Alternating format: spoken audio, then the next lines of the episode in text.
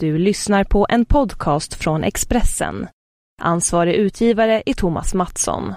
Fler poddar hittar du på expressen.se podcast och på iTunes.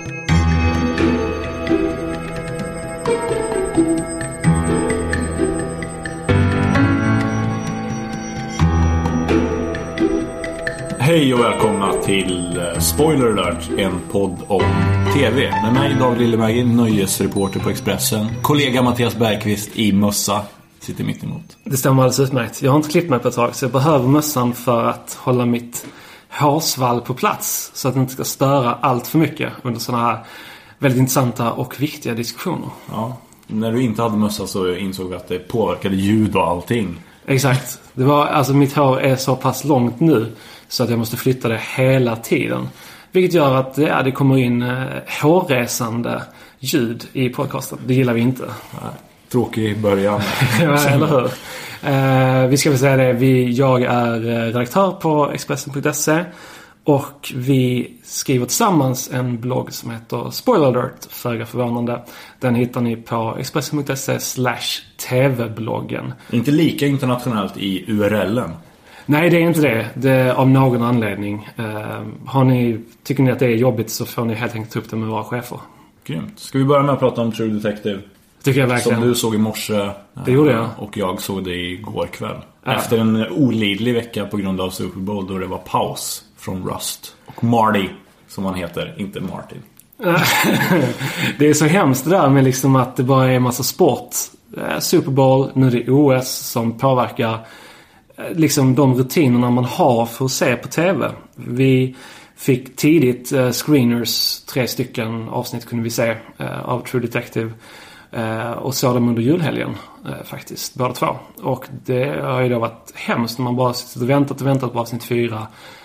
Det har aldrig kommit har det känts som. Och sen plötsligt när man tror att det ska komma så ska massa stora amerikanska killar puckla på varandra på en gräsplan. Obegripligt. Det där handlar, jag trodde det Super Bowl bara handlade om eh, reklam faktiskt. Ja, för oss gör det nog det tror jag. Men för många andra så handlar det väl om den här lilla bollen också. Mm. Who Goes There heter avsnittet. Det jag fastnar för är att Rust går undercover igen. Och att han tar cayennepeppar och bläck. För att det ska se ut som att han har knarkat.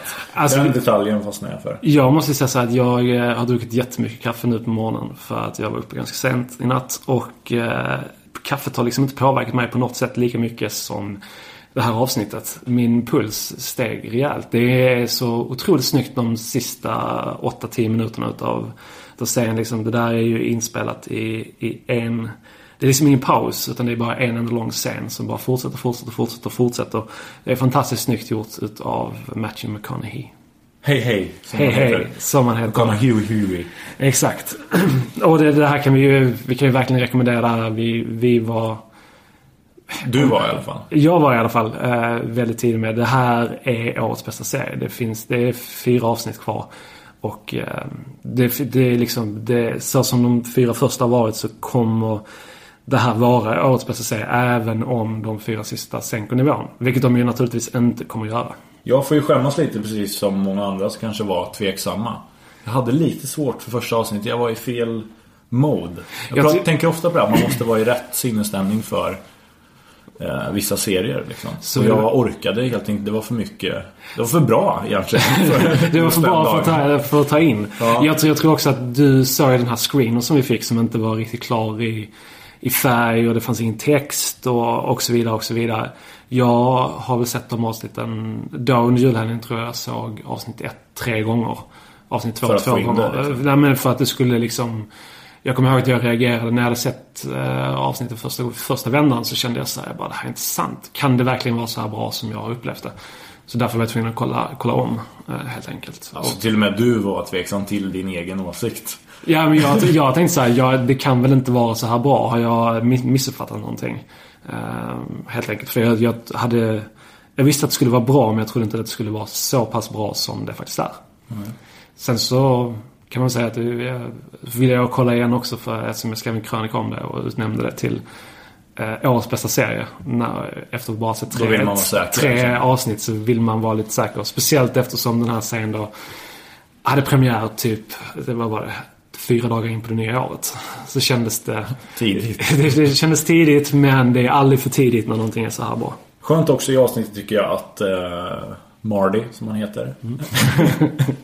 vi hade en diskussion om det innan vi började spela in här. Vi har ständigt diskussioner om namn. uh, nej, men att han havererar och kommer in på Rusts nivå lite, känner jag.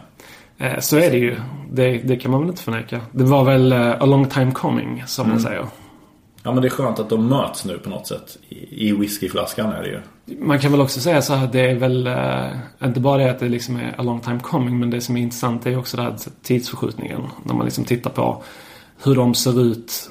Eftersom man redan från början får reda på att det, allting inte är så pass bra som det kanske... Det är ingen bromance. det, det, det är ingen bromance när det liksom är, utspelar sig 2012 och eh, det har ju inte varit någon bromance heller till en början. När man liksom är i det här gamla mordfallet. Nej. Men det känns ju som att för att det där verkligen ska få någon slags effekt hur det är i nutid så måste de också komma närmare varandra.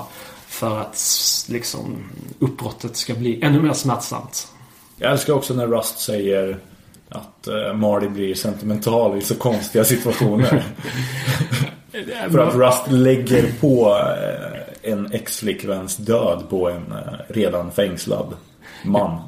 Man måste väl också säga att det, det är just den här scenen är sån att man man tjänar på att se avsnitten flera gånger än en gång. För man upptäcker nya detaljer hela tiden. Mm. Varför är det världens Årets bästa serie. Världens bästa serie. Världens bästa serie är det. Det var det du skrev.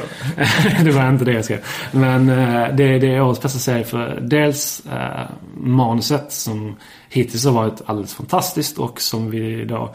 Det finns så små detaljer i dialogen som man upptäcker om man ser om avsnitten. Uh, jag kan verkligen re rekommendera att... Jag, jag, tror i alla fall att det här är en sån serie som när, när man har sett alla åtta avsnitten och vet hur det slutar så ska man nog se om serien. För då kommer man, man kommer upptäcka nya saker ännu en gång. Liksom. Som har lett fram till den här Exakt, slutet. precis. Som man, som man, ja, men som man nu kan liksom så här, Man kan kanske se nyanserna till att det här skulle kunna vara någonting som har betydelse. Mm. Men man vet inte. Men uh, ja. Och sen så är det ju visuellt är det ju som en dröm liksom. Det är, det är så otroligt snyggt filmat och uh, liksom allting eh, hänger ihop på ett sätt som det väldigt, väldigt, väldigt sällan gör mm. i tv-serier. Och sen så är ju det också Woody Harrelson och Matthew McConaughey är fantastiska i sina roller. McConaughey. McConaughey. Snyggt.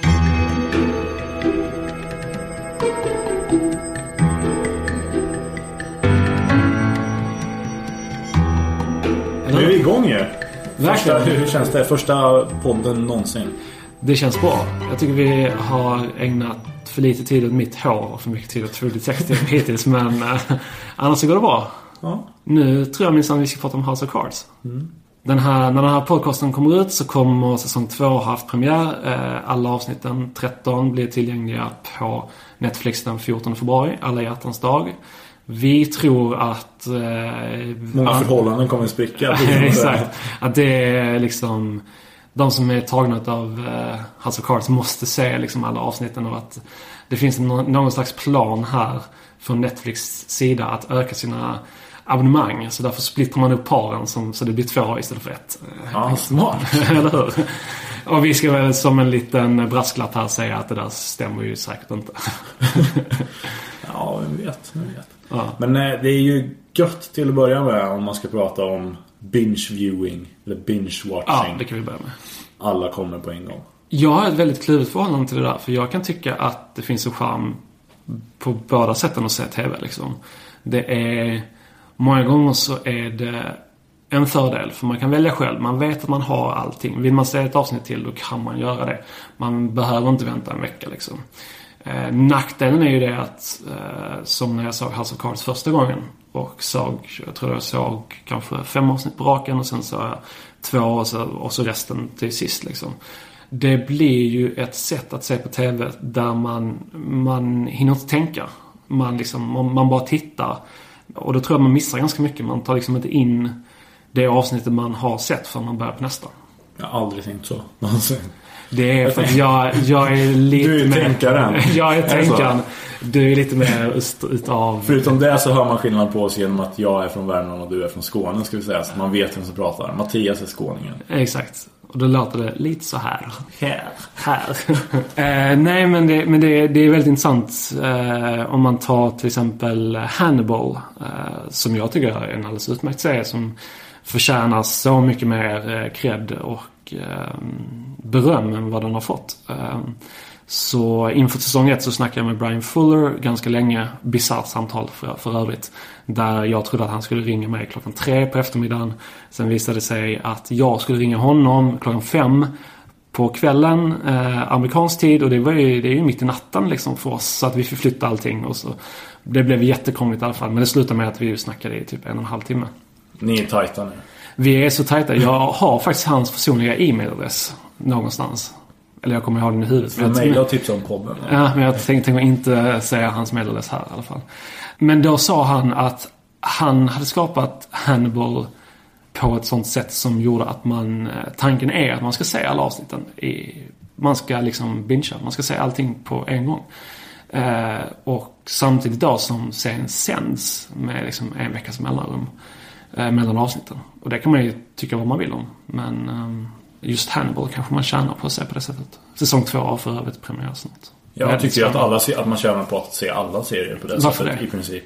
Varför Jag det? vet inte, det började med någon Californication eh, maraton eh, hemma i pojkrummet på något besök i Värmland. Herregud. Det, där, det, där, det, det, det finns så många fel i det. Det finns så otroligt många fel i det. Ja, ja det var ett par år sedan. Ett par år sedan. Det var ju förrgår. Sen kan folk bara kolla när Californication rulla, så är det inte så länge sedan. Så blir, det, så blir det ganska pinsamt för dig. Liksom Californication och pojkrummet. Det är så att två meningar man aldrig ska säga tillsammans. Ja, jag inser ju det också nu. Ja, men det är skönt att det, det bandas ju det här så det, ja, så det, det är Du oåtertagligt. kan aldrig ta tillbaka det där. Nej. Ja, fortsätt. Förlåt. Nej men då, um, då insåg jag hur gött det är att bara mata en serie. Alla serier tjänar på det hittills. Jag har inte stött på någon som inte, inte mår bra av det liksom. Karaktärerna, allting. Du minns ju. Samtidigt som du inte hinner tänka så minns du ju varenda detalj till nästa avsnitt. Så att du är inte bara en tänkare, du har också dåligt minne. så det, det är det du sitter här och säger. Nej, men, jag, inte men, jag, inte. men, jag, men samtidigt då ska man väl säga, det är väl, det är väl en, eh, det är väl en, måste väl du erkänna att det är en väldigt stor skillnad på att se ett avsnitt Californication, eller 15, Ja. i pojkrummet i Värmland och sen se True Detective. Det, det kräver liksom inte samma typ av tankeverksamhet. Nej, för sig True Eller? Detective har jag ju inte fått testa. Så det kan ju vara lite så att eh, de serierna jag har sett har ju passat för det också. Som jag sa, det finns ännu ingen som jag har känt så här: nej jag måste ta en paus. Den enda anledningen till att inte se alla avsnitt på i raken det är att jag blir så sjukt avundsjuk på folk som sen säger Har du sett det här? Ja det har jag. Ja nej, det ska jag se. Och då blir jag förbannad på dem. För att de har kvar det här härliga. Ja, Och då blir jag förbannad på mig själv för att jag har redan gjort av med allting. Det gäller ju många serier, även de som inte går att se alla avsnitt på raken. Så, men, men Sons of det, Anarchy framförallt när folk säger så här, "Ah, ska man se den här? Har du inte sett? Då, då har ju de ett helt, alltså ett helt nytt fantastiskt liv framför sig. Ja, som det- jag redan har levt. Det är och för sig sant. Men det är någon som har sagt till dig någon gång att de har aldrig, de har aldrig sett ett avsnitt som Sons of Anarchy. Och sen så, så frågar de dig så här. Eh, vi ska väl säga det också att både jag framförallt, både jag och David, men framförallt David, tycker väldigt mycket om Sons of Anarchy. Eh, Det kommer nämnas i varje podcast. Hoppas jag. Jag kommer ju nämna det på något sätt varje gång. Men, men eh, har då någon gått fram till dig och sagt så här. Jag, jag har aldrig sett Sons of Anarchy och eh, vad skulle du säga? Du, ska jag börja kolla på det? Så säger du ja, det är klart du ska göra det. Och sen så spelar vi fram typ en eller två veckor så kommer samma person tillbaka till dig och säger så här. Det här är den sämsta skiten jag någonsin sett i hela mitt liv. Hur fan kan du rekommendera det här? Har det hänt eller? Nej, fast det har hänt att folk så här säger att... Jag har ju en god vän som säger nej, vi fastnade aldrig riktigt för det där. Jag blir ju...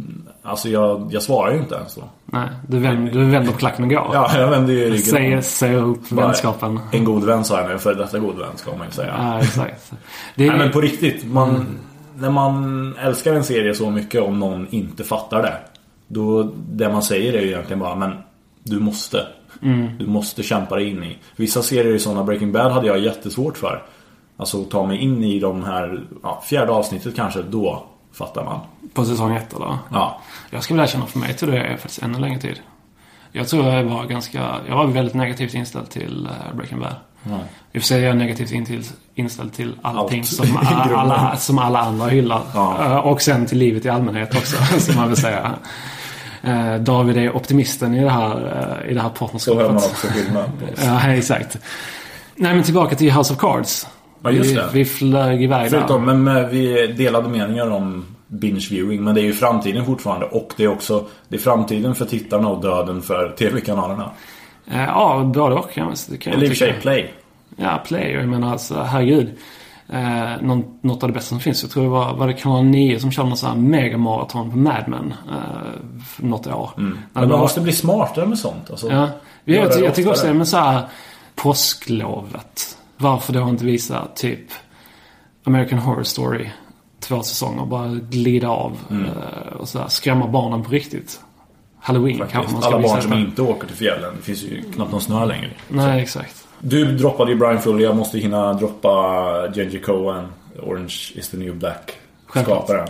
Vad vill du säga där då? Nej men hon var också otroligt positiv till uh, binge viewing. Liksom. Ja, exakt. Alltså att hon vill gärna att folk ska se serien på det sättet. Mm. För att det ger en ny dimension till, till det liksom. Exakt. Jag tror också att man, återigen alltså.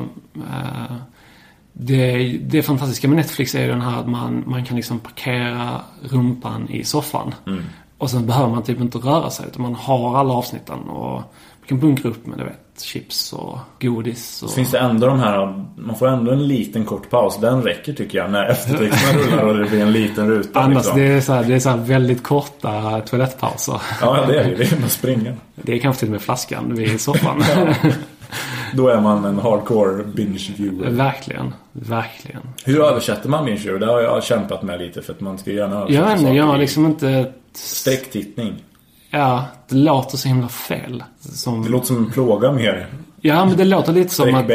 Ja, det låter som någonting som så här Guantanamo Bay-aktigt faktiskt. Det har du rätt i. Och det är det ju inte. Det är det ju verkligen Oftast inte. inte. Det beror på om man tittar på The Following eller inte. kan man säga. Following kommer vi också nämna många gånger i. Ja, det är en väldig hatkärlek vi känner till detta eh, program. Fascinerande att se det.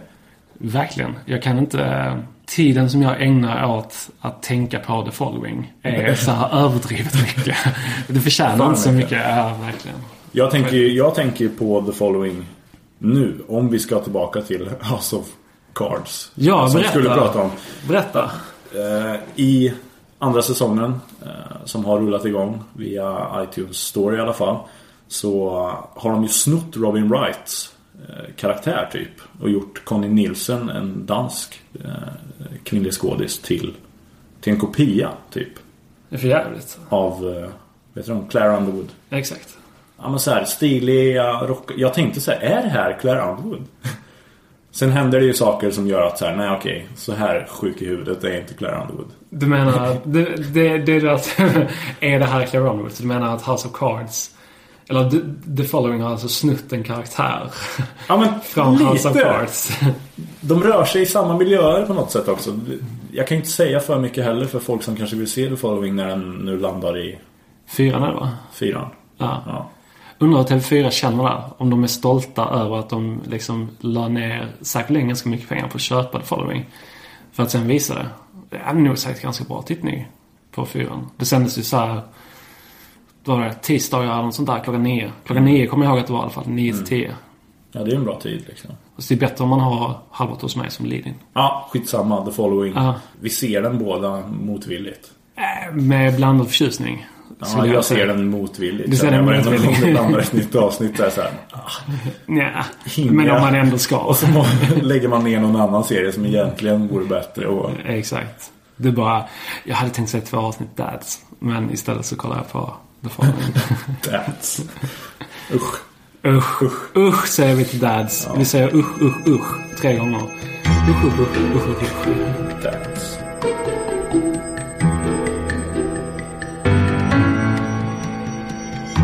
Men eh, Robin Wright är ju eh, fantastisk.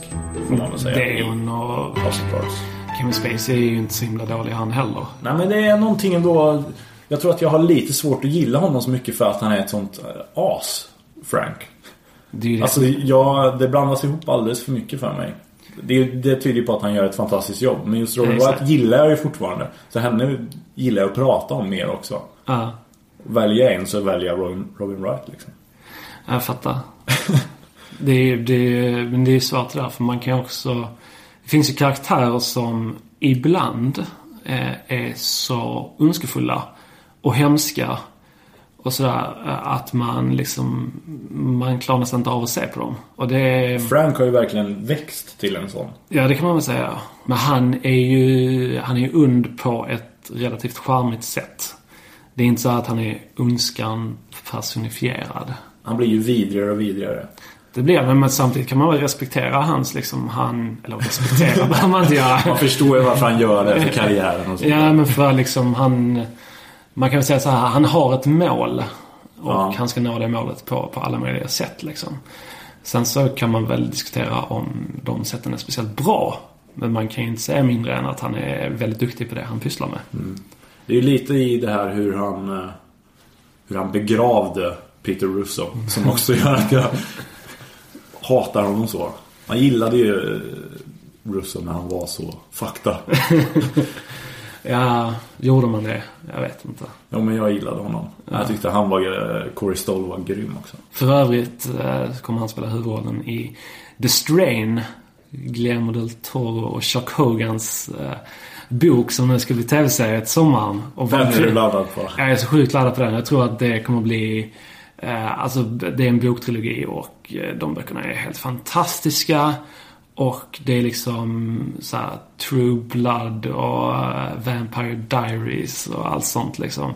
De vampyrerna har inte en chans mot de vampyrerna vi kommer att se till sommaren. hårt Det är liksom... De... Säg det till Skarsgård. Nu, nu låter du som Alexander Skarsgård när han dissade Twilight. Ja, precis. När man blev så löjligt stolt när han dök upp på TMZ. Just det. Och sa att de var söta. Här dissar han Twilight. Ja, precis. Och här dissar jag True Blood-vampyrer. Säg att de är söta då. Ja, de är söta. Eh, De är söta och, men det här är liksom, det här är någonting helt annat. Det här är liksom, jag tror att det kommer bli, det är Carlton Cusey för övrigt, en gammal Lost-favorit. Som är showrunner för serien. Vilket ju bådar gott. Eh, Eftersom jag älskar Lost. Men Så fort man läser någonting att så här, någon har varit på något sätt inblandad i Lost så måste man i alla fall ge serien en chans. ja, man måste också nämna det. Ja, ja det måste man absolut. Så att alla de som Feta Lost bara. Men alltså, alla de som hatar Lost, eh, liksom... Undrar det, om man hatar Lost, innerligt hatar Lost, baserar man det då bara på säsongsavslutningen? Eller förlåt, Ja, liksom hur, hur serien slutade, förlåt. Tror du det? Ja, ja, för att om man har hängt kvar så länge så att man har sett slutet. Om man har sett allting och ändå hatar Lost, Ja, då, det ju måste, det. Mm. då måste det ju bara vara det man liksom tycker illa om. Men där finns det ju någonting i det du sa tidigare att det är svårt att eh, Du hade svårt för Breaking Bad för att så många gillade den. Och Ja. därför finns det ju också någonting som gör att man gillar Lost så mycket för att så många blev så arga. Och då känner man själv så här, ja ah, det här gillar jag för att ni gjorde folk pissed off. Exakt. Damon Lindelöf, vilken idol alltså. vilken idol. Det var, det var faktiskt en sorgens dag när han slutade med Twitter. Alltså för det enorma hatet som han måste ha fått. Det är nog hemskt. Inte, han har ju tappat hur mycket hår som helst. han är ju flintskatt. Åldrats. Åldrats. Han har också en serie på gång. HBO kommer den visas. The Leftovers baseras också på en bok. Som du har läst. Nej, jag har läst typ, verkar vara tre fjärdedelar. Ja. Sen så började jag läsa annat. Du, du läser ju mycket nördiga böcker och mindre nördiga böcker. Nu har du inte nämnt några så här Vänta, serietidningar. Så du menar att jag läser nördiga böcker och mindre nördiga Ja men böcker? de böcker du har nämnt kanske inte är supernördiga men du läser ju mycket serietidningar och sånt också. Det gör Så- jag, men det är inte nördigt. Det är bara sunt förnuft. Men Men- du, eh, House of Cards. House of Cards, återigen. Ehm, det, det är ganska intressant. Jag lä- läste tidigare att ehm, det var i samband med att det var ju så himla skumt den här, den här kvällen. Det var typ klockan sju, vad kan det ha varit? Onsdag eller torsdag. För, för en vecka sedan ungefär. Som eh, Hollywood Reporter plötsligt skrev på Twitter att uh, det skulle bli en tredje säsong av House of Cards. Mm. Och det var, uh, man bara va? Redan nu? Eh, så jag började kolla upp det där, eh, satt på jobbet på, på redaktionen. Och så började jag kolla så, så visade det sig att det liksom var, det, det här stämmer. Robin Wright sa också att eh, ja, vi ska liksom börja spela in ganska snart igen. Och det är fantastiska nyheter. Vi ska väl säga det för de som inte vet att Netflix skrev liksom när de, när de gjorde att de skulle visa House of Cards så skrev de att det ska bli 26 avsnitt. Det ska vara två säsonger. Mm. Det är liksom det första kontraktet. Men att sen gå ut med redan innan säsong två och liksom bara ja, vi har förnyat, det blir en tredje säsong. Eh, Kevin Spacey, Roman Wright är med. Sen så, eh, det är ju de två namnen man vet. Sen för att de kan man kanske inte bekräfta den och den skådespelaren eh, innan liksom, säsong två finns tillgänglig ens. Om det nu skulle vara så att någon dör exempelvis. Eller flyttar till Alaska. Eller blir president eller någonting så vill man inte heller. Kommer Exakt. spela president i säsong tre.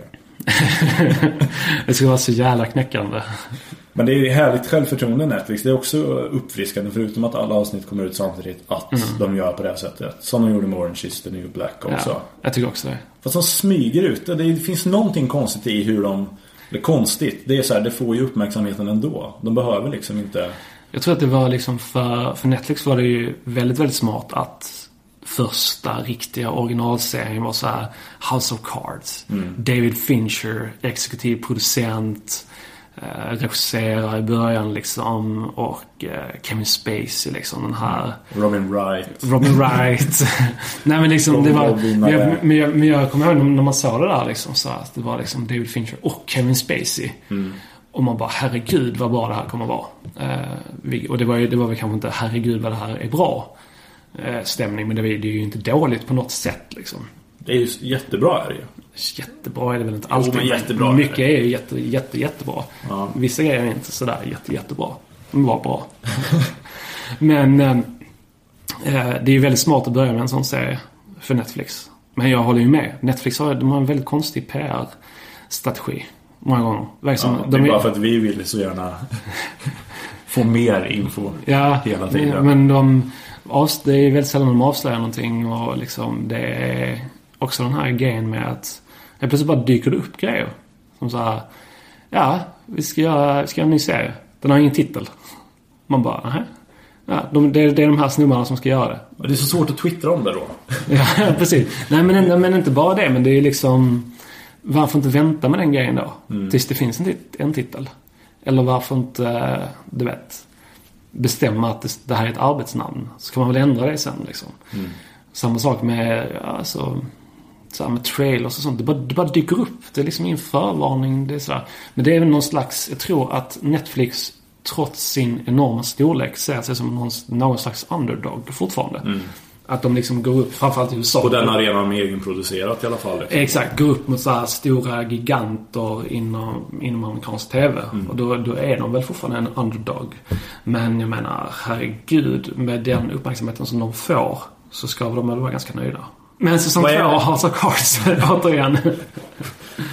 Ja, vi landar inte riktigt i det. I det. Nej, förlåt. Men maktkampen fortsätter. Men vad, vad är det som... Eh, vad är det bästa med House of Cards tycker du? Jag tycker att det är Robin Wright. Jag tycker att det finns någonting i eh, just att hon har skilt sig så här tusen gånger från Sean Penn.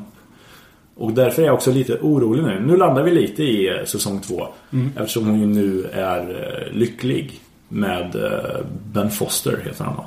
Tror jag. Mm. Uh, att det kan bli problem där tänker jag. Hon får inte vara, får inte vara för glad nu. Du menar att hennes personliga hennes mm. personliga lycka påverkar Claire Underwoods... ja, jag tror det ändå. Är inte det ett ganska stort... Eh, såhär, en, en, ganska stor diss mot hennes... Eh, Skådespelartalang? exakt. Ja, men jag tror alla sådana konstnärer måste lida. Du tror det? De blir bättre av det tror jag. Ja, det, ja. det märks att du fortfarande är under 30. Nu ska jag säga det som jag hade tänkt säga för typ fem minuter sedan. Uh, vi, eller jag, vi. Jag läste på The Rap. Vi läser ju sällan exakt samma sak samtidigt. Nej, tillsammans. Det är sant. Man kan tro det men uh, The Rap uh, hade väldigt bra intervjuer med Kevin Spacey i samband med att det blev klart att det blir en tredje säsong på någon slags presskonferensaktig grej i USA. För alla som undrar så i House of Cards när Kevin Spacey vänder sig mot kameran. Det som många har haft svårt för, får man säga. Helt i onödan. Med vilka Det är fortfarande många som säger det till mig när de pratar om House of Cards. Det är så konstigt att han pratar med kameran, jag gillar inte det. Det där Ja, är- det, det det där- är bara för att han gör det. det finns liksom, de har ingen mer anledning än att det sker. Nej. Nu ska Det jag finns säga, ingen motivering. nu ska jag säga vad det, all, det absolut bästa med House of Cards är när Kevin Spacey vänder sig mot kameran men inte säger någonting utan bara ger en blick. Ja. Han Det- är bra på blickar. Han är väldigt bra på blickar. Hörde att vi gick igenom målbrottet. Ja, jag hörde det. Det, är- det är det absolut bästa med House of Cards. De där blickarna. Men, till The Rap så sa ju då eh, Kevin Spacey att eh, när de gör de här inspelningarna så han tänker sig inte att han pratar till tittaren. Eller att det är massa människor som, som sitter och tittar på det här. Att det är liksom till massorna han pratar. Utan han tänker sig att han vänder sig till sin allra bästa vän. Och eh, därav kanske den här lite mer förtroliga, man får en känsla utav att nu delar Frank Är Underwood... jag hans bästa vän, tänker man. Frank Underwood slash Kevin Spacey delar med sig av någonting, någonting väldigt hemligt. Sen kan man väl säga att, jag menar, de här många som klagar på det här.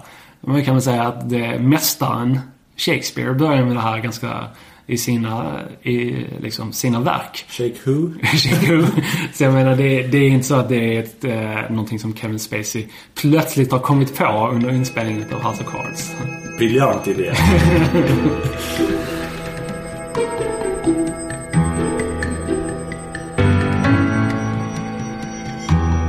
Nu vänder vi våra vackra ögon mot serien The Blacklist.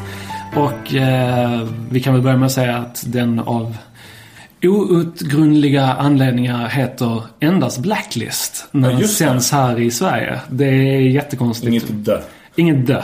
Vi tar bort dö på allting. För att förenkla kanske, jag vet inte.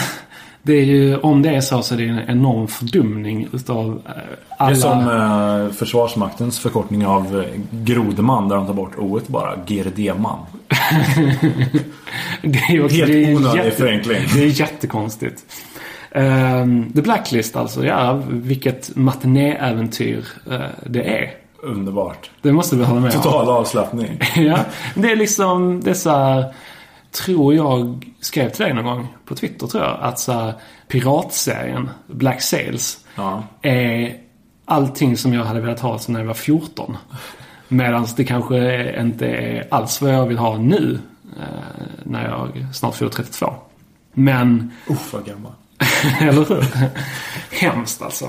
Men däremot så, eh, Blacklist är faktiskt i mångt och mycket allt det jag vill ha utav eh, just den här typen av serie. Liksom, det finns en mytologi som sträcker sig över hela serien. eh, Med, som är ganska spännande tycker jag. Eh, Och sen finns det också de här enskilda avsnitten som är härliga.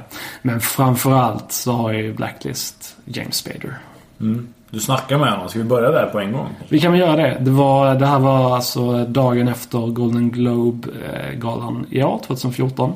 Spader, eh, som har ett rykte om sig att vara ganska knepig. Du var ju nervös. Jag var Jag var lite nervös för din skull också. Ja. Han kommer rådissa Mattias Bergqvist. Eh, jag var faktiskt väldigt, väldigt nervös. Det pirrade lite extra. Inte bara för att han är en stor idol och jag gillar i stort sett allting som han är med i. Så kändes det... Det här var, ska vi väl också säga, ett, sånt, ett så kallat conference call. När det är journalister från hela världen som, som liksom ringer in och så får man sitta med sin telefon och ibland knappa frenetiskt på, För en på en siffra så hamnar man liksom i en kö. Och har man tur då så får man ställa sin fråga. Jag kommer ihåg när jag gjorde en sån här med, med Ricky Gervais för, för Derek. Jag satt och tryckte så mycket på min telefon för att få ställa en fråga och det fick jag inte. Eh, Det var jättekonstigt. Sen ska man väl säga att Ricky Gervais då hade, jag tror varje svar var över sju minuter långt. Och det här var Två sammanlagt journalister som fick... det var liksom sammanlagt, jag tror det var en halvtimme. Eller något sånt där. Eh, men vi lyssnar lite på James Spader eh, när jag snackade med honom då efter Golden Globe. We were talking about the scripts earlier. Uh, how much um, input do you have on the scripts, and, and how much do you want to have uh, on the scripts? that's sort of a, a that's sort of a fluid thing. I mean, I I speak to the writers every day and and uh, several times a day, and and you know they're in Los Angeles and and Mm. and we're in New York shooting a show, and and so are they're not on the they're not on the set, so we we speak a lot, and, and Yeah. it's a very open line of communication, um, and we discuss everything. You know, we discuss everything going down, not only with the specific scripts, but also in moving forward where you know where we're going, and and and but um, but it's also it's also a fluid thing in that in that um, there are certain times that I want to know more and certain times that I, I just don't, you know, and, Mm. and uh, I want to I want one of the fun things about doing a television show is is for the actor as well as for the viewer is on a week to week basis there's great possibility for a great opportunity for surprise and I like that I like working like that you know Mm. it's, it's great fun to read a script and all of a sudden discover something that you hadn't before.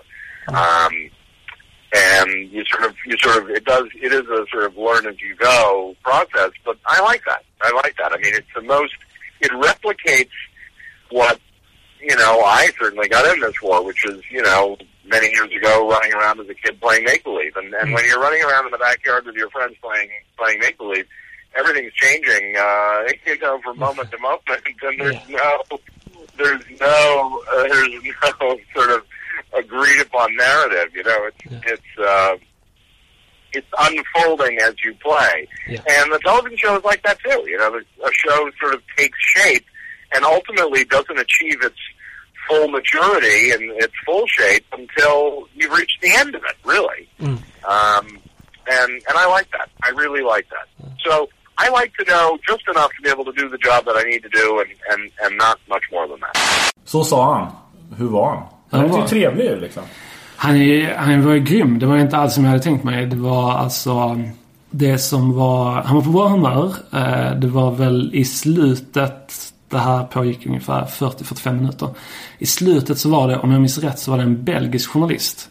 Som... Eh, man fick liksom en fråga och sen hade man en follow-up på den. Eller alternativt ställa en helt ny fråga. Men eh, den här belgiska, belgiska journalisten verkade inte acceptera Spaders svar. Utan ställde exakt samma fråga. En gång Fast- till. En gång till fast att Spader hade sagt att det inte var så. Någonting med, eh, det var någonting med ondska i det hela liksom. Men det som jag tyckte var väldigt imponerande var att han var extremt noga med att alla som var med på, på det här conference callet skulle få ställa en fråga.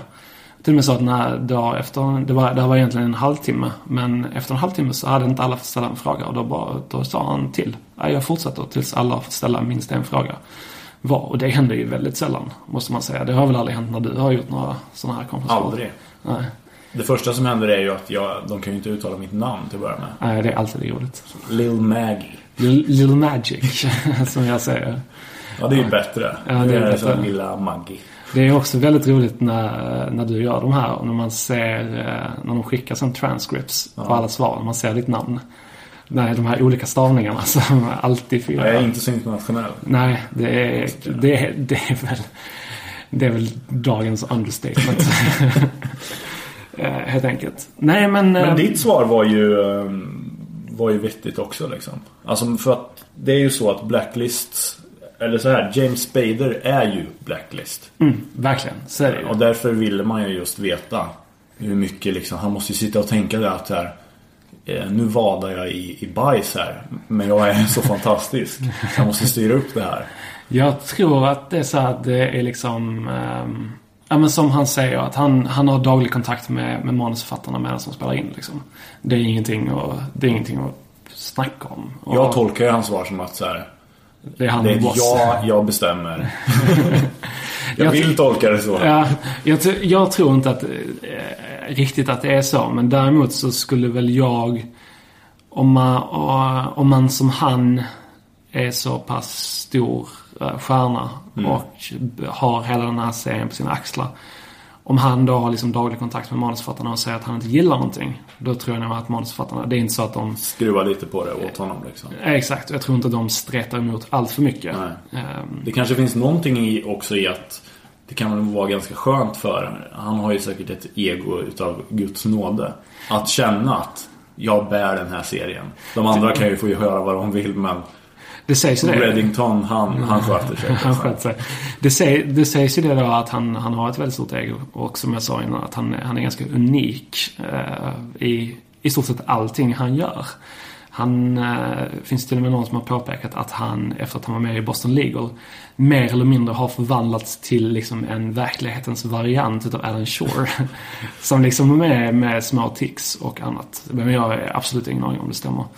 Däremot så, han var ju väldigt trevlig. Jag skulle rekommendera alla. Man hörde ju i skrattet här att nu mera så är han ju en eh, verklighetens variant av Raymond Red, Reddington. Hans skratt är ju exakt likadant som... Precis. Man, man ska inte heller förglömma att den, den, här, den här mannen då, han, eh, han äger ingen TV. Och det var någon som frågade honom om han hade, om han hade sett någon bra film. Vilket ju också är en jättekonstig fråga att ställa. Men det, det är mycket sånt på conference call. Ja. Ska man säga att det är inte så svårt att framstå som en, en vettig eh, journalist. Nej, det är väl sant. I sanning, ja. Men eh, då berättade han att han hade inte sett en film på åtta månader. Och detta var ju då i januari som, som intervjun skedde. Ja, han ska spela in Blacklist nu då och sen åker han till Josh Whedon för att spela Ultron i Avengers Age of Ultron. Bara det. Jag är, det är alltså... Jag blir stilla. Jag ser ju mössan flyger nästan av håret bara för sig. Det är ju då uh, Avengers 2 helt enkelt. Och det finns väl ingen film i världshistorien som jag ser fram emot lika mycket som den. Oj. Man kan snacka om Captain America, Heat och man kan Fast det gör man ju inte.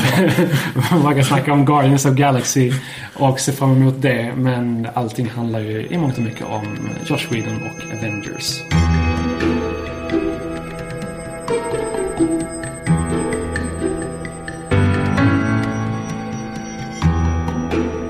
Däremot så, det jag skulle säga var att eh, Blacklist, det är tillbaka den 27 februari på TV3.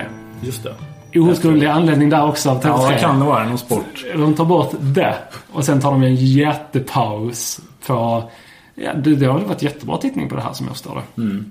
På trean. Det Men det vara.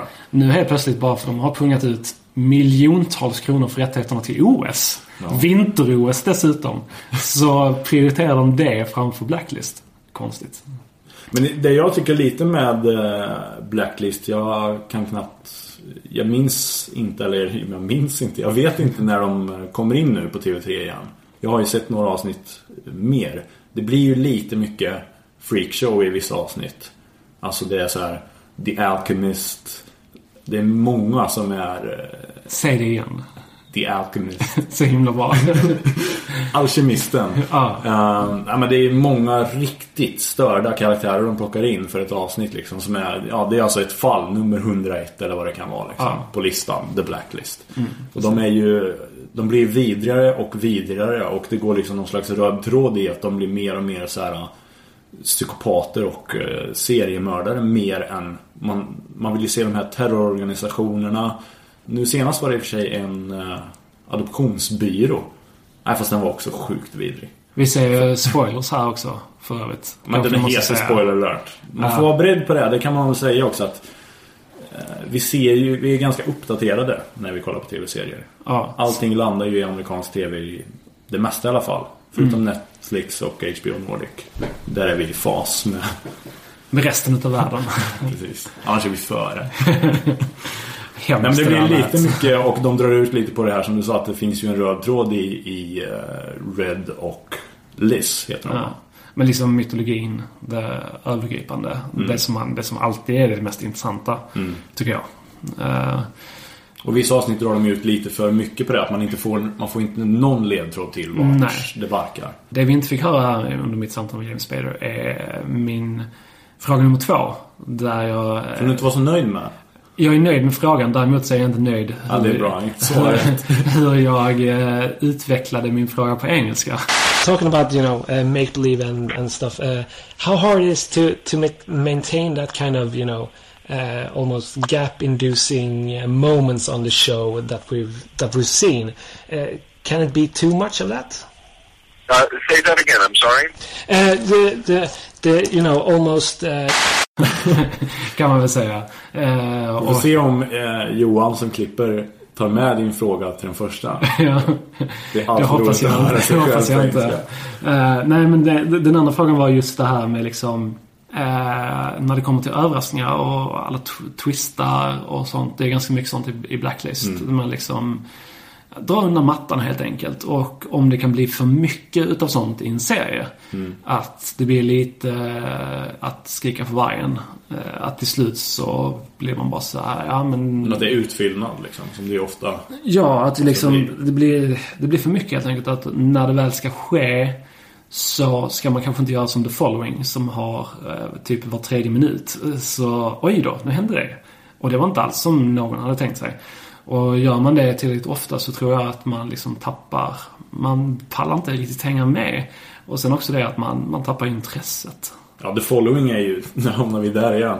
Men där är det också så att eh, Kevin Bacon kommer ju i kontakt med människor hela tiden och så tänker man så här, åh nu får han en vän. Fast man vet i bakhuvudet. Får han inte alls det. Det här är ju ytterligare en av Joe Ja. Carrolls kultmedlemmar liksom. Jag fattar inte det heller att... Alla är mördare helt enkelt runt. Ja, men alla är det. Och sen så ty- tycker jag liksom så här. Kevin Bacon måste ju vara en väldigt dålig människokännare. Ja, ja, han är ju sämst. Ja, men det är liksom när man bara, hur många gånger kan han gå på det här? Och, och, och Så fort varför? någon ler mot honom så släpper han in honom i Liksom, sitt han, har, han har hur mycket poliser som helst. Som bara så här, här det här är min nya polare. Inom citationstecken. Kolla upp honom eller henne. Ja. Och se vad det är för någon. Liksom.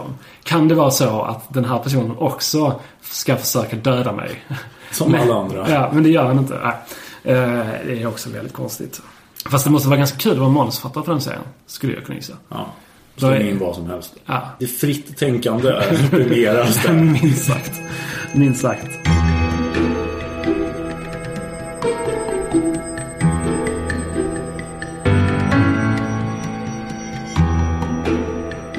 En serie som... Faktiskt ganska... Eh, jag var lite överraskad av- av detta men eh, som...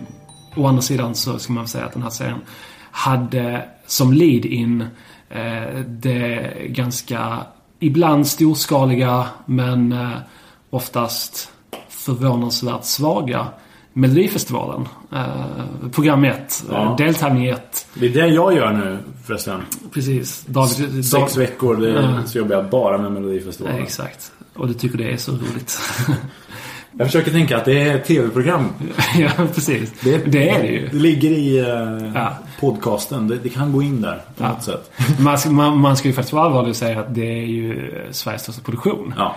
Det finns det ju ingen tvekan om och de är väldigt duktiga de som jobbar med det här. Även om just deltävling 1 kanske produktionsmässigt eh, fallerade. ja, så mycket bättre i tvåan var det inte heller. Men Nej, det var bättre. ja, lite Jag måste ju säga det att Jems, vad heter den? Love Trigger. Nu hamnar vi där. Vi sa innan, vi ska inte ta in det. Ja, men jag ska bara säga det att Ja. det, var, det var väldigt snyggt bildproducerat. Ja, det var det. Mm. Just det numret, måste man säga. Får se om de twistar det lite, likt The Following i andra chansen. Det är, Eh, ja, det. Det, är, det är jätteroligt Ja. ute på vägarna. Men Men, det hör inte hemma här. nej. Eh, Låt oss eh, komma tillbaka till det här. Det var deltävling 1 alltså och efter Melodifestivalen så sändes det första avsnittet av tre i den tredje säsongen av Sherlock. Och som lead-in och har Melodifestivalen då, det är ganska bra. Men jag blev ändå förvånad över att, att det var över en miljon tittare. Enligt MMS. Det klassiska mätföretaget som alla använder sig av när det gäller tittarsiffror. I vilket fall, det, avsnitt två eh, gick nu i helgen. Idag är det tisdag. När vi spelar in. Eh, och det var strax över 800 000 som såg avsnitt två. också. Ja, det är ju paritet med, jag tror att Melodifestivalen tappade 300 000. Ja. Och om då Sherlock... Om det inte var ännu mer att tappa. Men, kanske det var. Men om att då Sherlock bara tappar 200, det är inte så illa pinkat. Nej. Måste man säga. Vi får se vad som händer nu över trean. Som vi väl är ganska överens om är det bästa avsnittet. Utav Absolut. tre. Det, mittenavsnittet är ju alltid eh, sämst. Att, eh, vad sämst? Minst bra. får man väl säga. I Det, Sherlock. det, där tror jag är en ganska stor missuppfattning. Jag tror att allting baseras på det här Hounds of Baskerville Ja. eh, aktiga. Det avsnittet är ju väldigt svårt. Minst bra. Minst bra helt enkelt. Exakt. Jo, Nej, men jag tycker det här mellanavsnittet också var lite... Fast det kanske också är lite att man tar med sig den känslan att okej, nu var det jättebra här. Första avsnittet, andra avsnittet kommer vara sämre. Och jag kände nog det lite. Ja, jag tycker Fast det tvåan... blir också att tredje avsnittet är ju bäst för att de är grymma just på cliffhangern liksom. Ja, så är det ju. Vi ska säga då att uh, Sherlock då, det görs utav Steven Moffat och Mark Gattis. Mark Gattis som för övrigt spelar Mycroft Holmes i serien. Ståtlig herre med, ja, börjar tappa lite hår kan man väl säga.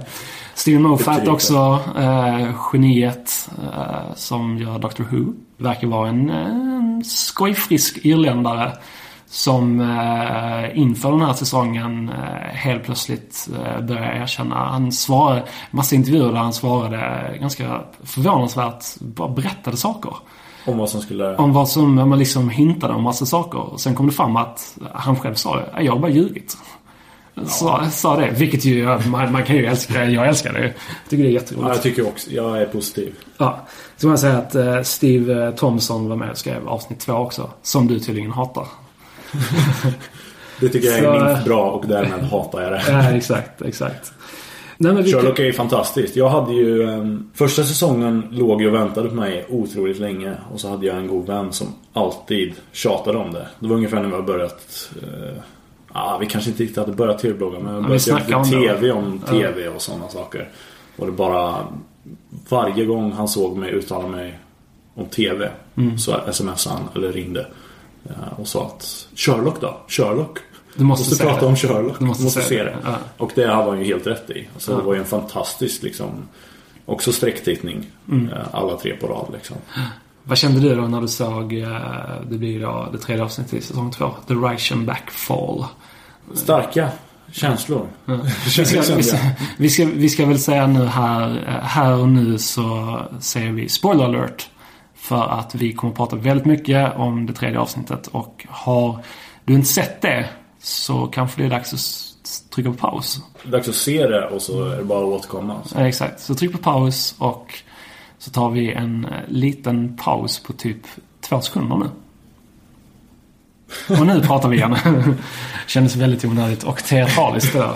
Um, nej, men eh, vi ska säga det här att det är då Lars Mikkelsen som spelar den väldigt otäcka Charles Augustus Magnusson. Det är han som är efter att Moriarty eh, sköt sig själv i huvudet. Andrew Scott, fantastisk skådespelare. I då, säsong två som avslutning. Vem är han en twist på? Är det lite Rupert Murdoch liksom? Eh, det här är faktiskt en karaktär som eh, är med i Art Conan Doyles eh, böcker. Han är med där och mm. spelar samma typ av liksom utpressare. Men det är någon slags mediamogul också eller? Ja, i, i, i, den här ja, uppdaterade precis, versionen. Det är liksom. någon twist av ja, Murdoch känner jag. Liksom. Det kan man ju hålla med om. Han är... Det är ju en stor del av grejen liksom. Mm. Tycker jag med ja. Sherlock. Att adapteringen till nutid mm. är så fantastiskt bra gjord. Så är det verkligen. Det kan man väl lugnt säga. Jag tycker att just den här Eh, om vi ska återkomma då till eh, Lars Mikkelsen. Som Mikkelsen-bröderna vill man alltid återkomma till. Men eh, han, eh, han spelar eh, den här karaktären på ett så fantastiskt sätt. Det finns en scen här då när han, när han träffar Sherlock för första gången. Hemma hos Sherlock på, på Baker Street. När han är, han är så uttråkad. Han är så otroligt uttråkad.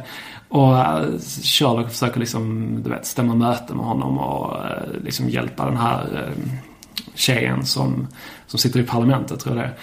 Han är, så, han är så totalt ointresserad utav omvärlden. Det finns ingenting som liksom får honom att gå igång. Och Sherlock som är van också att göra folk väldigt intresserade av hans person. Exakt. Har ju problem med detta också. Men alltså när, när han går fram till äh, öppna brasan och tar ner gylfen och kissar. Alltså det är fantastiskt. Jag läste någonstans också att det fanns, fanns en scen äh, senare i avsnittet som de då inte har med. Men som Steven Moffat berättar om. Där de hade planerat att när Sherlock Watson kommer hem till till då Lars Mikkelsens karaktär Magnusen. Att det liksom är att de, ehm, de börjar prata. Och sen helt plötsligt så tar, eh, tar Lars Mikkelsen av sig alla kläder. Och hoppar i en pool och börjar simma. För han är så totalt ointresserad. Det här finns, finns ingenting i det här som är spännande för honom.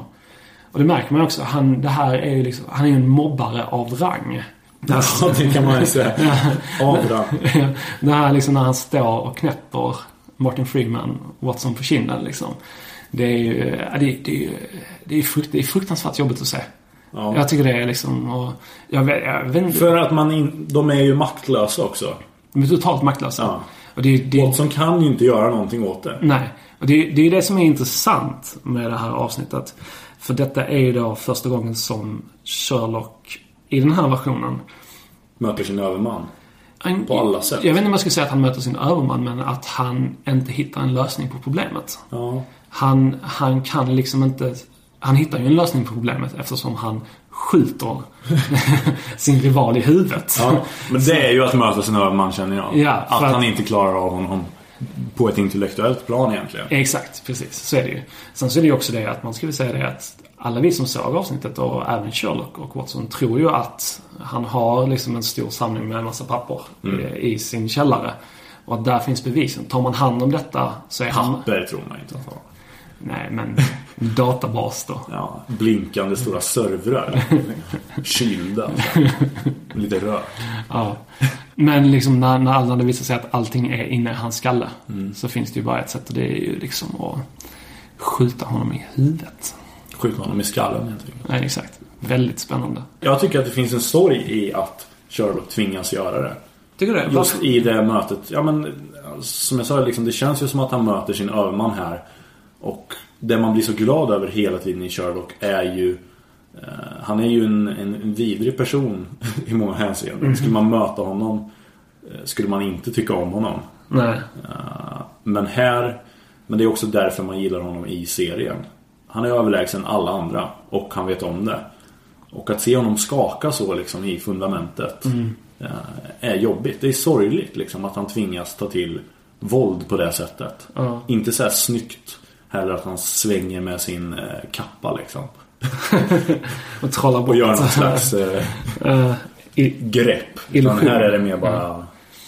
Ja, det fan. var rakt på. Ja. Jag tycker ju då att det här är väldigt intressant. Eh, för att jag tycker att dels nummer ett så tror jag att just den här tredje säsongen, det finns jag skrev om det här också. Det finns liksom en, en missuppfattning om att det första avsnittet ska vara någon slags blinkning till fansen och eh, med liksom alla teorier om vad som hände när...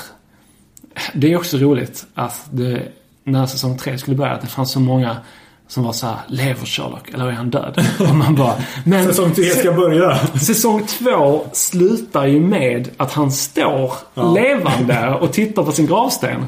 Är vi, är vi, nej, upprörande. Eh, men det första avsnittet är att det liksom är en blinkning till fansen och liksom att det ska vara någon slags mm, att det är så otroligt mycket meta i det här. Att ehm, Stephen Moffat och Mark Gattis liksom eh, har skannat av nätet efter vad fansen tycker och tänker. Och sen, inte de fullständigt i? de struntar fullständigt i detta. De skriver ju den här serien för sig själva. Precis som jag tror att alla gör. Alla, alla som gör bra serier. Skriver ju för sig själva. För det är någonting som de själva vill se. Man tänker jag tror inte man tänker så här att bara om jag gör det här, det här, det här. Så kommer det här bli framgångsrikt. Utan det här är någonting som jag själv gillar. Det är ju först då det blir bra liksom. Eh, kanske att The Following skriver en serie för fansen men... ehm, Vince Gilligan gör det inte liksom till exempel. nej, han skriver ju för sig själv. Sen finns det väl kompromisser på vägen via tv-bolag och så vidare. Ja, men det är klart i grunden så är ju allting... Ja, precis. Det de gör ju det för att det är någonting som de själva gillar. Mm. Och för att de vill liksom dela med sig av. Och ja, den, den missuppfattningen stör mig extremt mycket. Också det har ju varit kritiserat för att ja, men Sherlock har blivit känslig och... Jag såg aldrig riktigt det. I, I både Arthur Conan Doyles böcker och i Sherlock se- tv-serien så säger ju Sherlock liksom att eh, känslor kommer i vägen för mitt arbete. Inte ett rakt citat kanske, men det är det som är innebörden.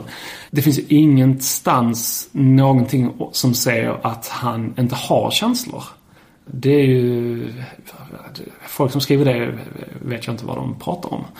eh, Helt enkelt. De har inte tittat. Nej, de har inte tittat eller läst. De sitter där med sina ögonbindlar. Helt enkelt. Nej, men eh, så det är klart att han an- Alltså att han har känslor, vilket ju framkommer i avsnitt två i den här säsongen när han är väldigt... Det är ju ett, ja, the best man speech liksom. Där han öppnar upp sig för Watson liksom. Och det är ju, det är inget ploj. Det är ingenting han ska... Som han använder sig av för att, För att tjäna- lösa för att lösa ett fall fall. liksom, precis. Som i det här sista avsnittet när han helt plötsligt har en tjej. Nej men det är det jag menar. Där har han ju alltså... han har ju fall att lösa men inte just i den stunden Mm. Nej. och därför kan han visa känslor. Alltså, som Exakt. säger att Precis. de Så kommer inte i vägen för någonting. Där. Nej, exakt. Och det är också... Eh, I det här sista avsnittet så finns det en scen efter att han blivit skjuten utav Mary. Som för övrigt då Amanda Abington. Som för övrigt är tillsammans med Martin Freeman. Så att de då har ihop det i serien, det, ja det är så roligt. Uh. För övrigt också, eh, om jag inte är helt fel ute, så är det Benedict Cumberpatch föräldrar som spelar Sherlocks och Mycrofts föräldrar i säsong 3. Jag kan vara helt fel ute. Men jag tror, jag har för mig att det är så. Jag har läst det i förbigående någonstans. Ja. Och sen så eh, kan man också säga att det är Stephen Moffats son som spelar Sherlock som ung i det här sista avsnittet. En liten parentes, som man säger. Nu vill jag ju börja prata om Kurt Sutter och Casey jag, jag känner det, jag känner det. Ehm, Mary som hon heter när hon skjuter Sherlock. Och uh, han sen hamnar, ligger i sjukhussängen.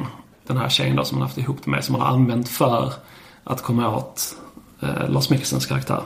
Och hon då har berättat hur bra I shagged Sherlock som den fantastiska rubriken är på den tidningen hon visar upp. Hon har berättat historier och tjänat massa pengar på det här då liksom.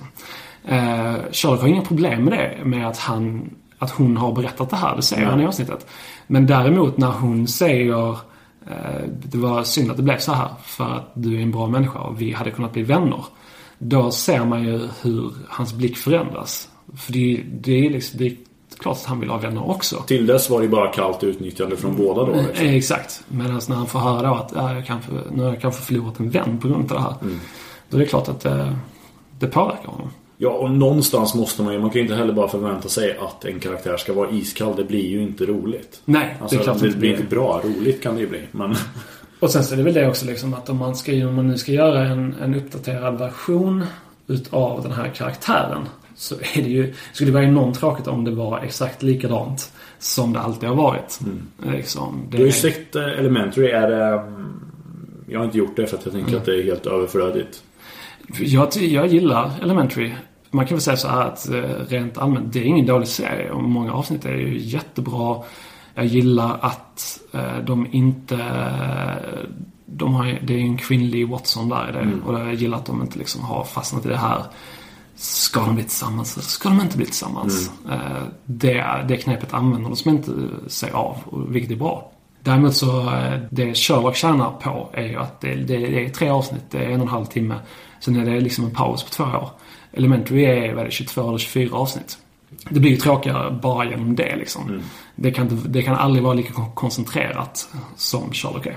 Sen är det ju ett problem att komma efter en sån Ja, exakt. Succé. bra serie. Liksom.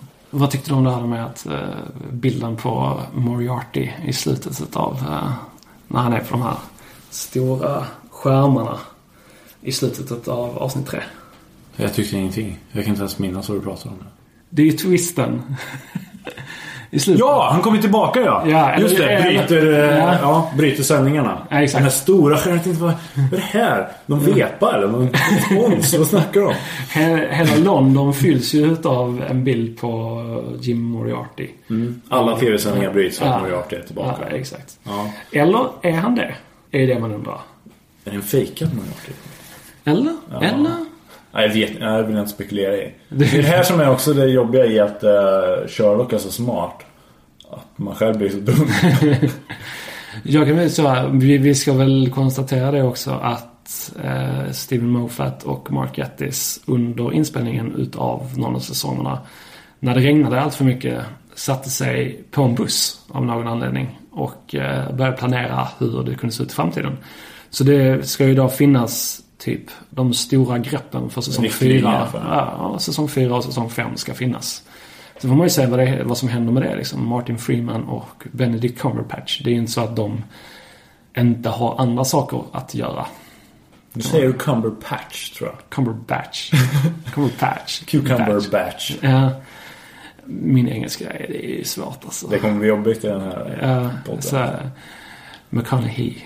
här, McConaughey. McConaughey. Huey Huey. Huey, Huey, Huey, Huey. Nej, men eh, nu får vi vänta. Får vi vänta två år på nytt Sherlock då? Nej, jag skulle gissa det. Ett Det är det jobbiga. jag. I att det bara är tre avsnitt också. är också, tar slut väldigt fort. Ja, men också förtjusning, förtjusande. Att man behöver förvänta så länge. Ja, det Kan är någon slags kontrast till uh, binge viewing som vi pratade om Ja, tidigare. exakt. Så Gillar du slutet eh, när planet vänder liksom? jag tyckte det var lite... eh, Det var ett, ett steg för mycket. Tycker jag. Alltså jag tycker Ja. att han borde ha, ha landat för att det nu, vart var han skulle till Ryssland? Någonstans. minns Undercover. Ja. någonstans skulle han i alla fall. Han skulle tacka ja till en sån här Interpol-arbete, tror jag. Alltså jag minns inte det. Jag skulle ju vilja sett honom göra det. Alltså Mm. det hade varit uppfriskande att ta honom utanför tilt shift London liksom. Mm, exakt. Man kunde väl ha skippat den scenen på något sätt. Det så onödigt att låta planet lyfta. Det hade räckt om man hade gått på planet och satt sig. Det, det känns så... De hade en budget för att ha en plan som lyfter. För, så. nej, exakt. Nej, men jag, jag kan tycka att ibland så blir det liksom... Man vill inte att Sherlock ska vara eh, liksom en Hollywoodfilm. Nej. Det känns som ett så här typiskt Hollywoodgrepp. Att Ja, man- men det är det där att man tar det ett steg Ja, för långt exakt. liksom. Precis. Och det är också ett så här. Det är ingen aha-upplevelse när det sker. Det, det blir ju aldrig det i en Hollywoodfilm. Och det blir det ju inte där heller. Nej, det skulle... Ja, men det... det men, ja. Eller så är det bara så här att det funkar. Jag vet inte. Ja, funkar gör det ju. Men, Jag, alltså, jag, så här, jag har faktiskt inte... Alltså jag har inte, jag har inte stört mig på det. Förrän du sa det nu. Börjar jag störa, ja. enormt mycket det. Där har du en nackdel med det här med att man hinner tänka. Istället för binge viewing. Man börjar störa sig på saker. Åh, om du bara visste hur mycket jag mig på. Nej.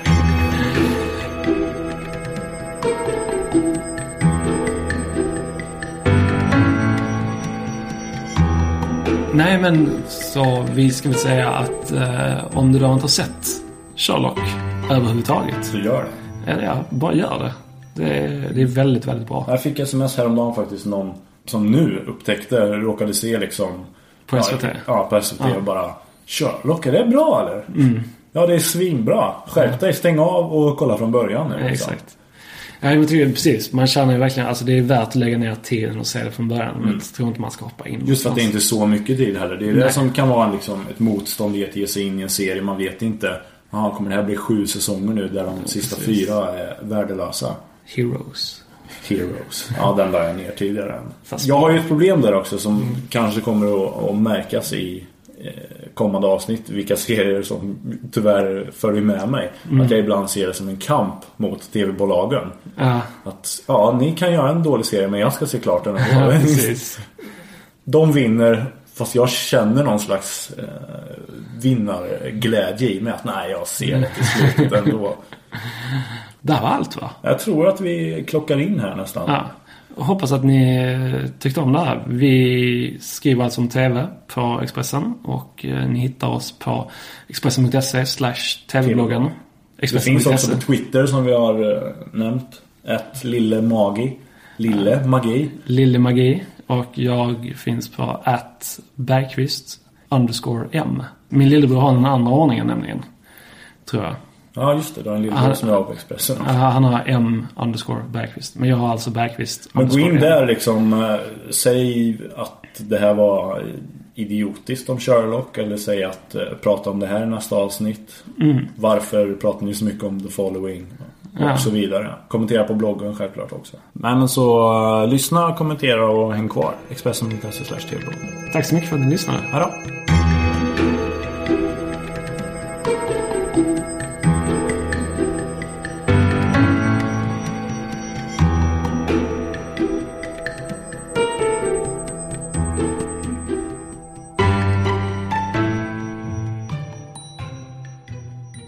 Du har lyssnat på en podcast från Expressen.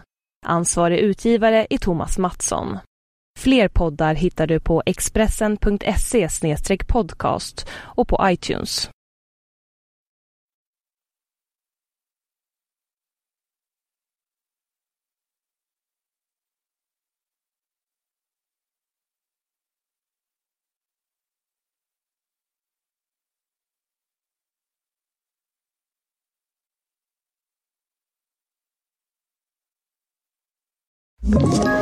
Ett poddtips från Podplay.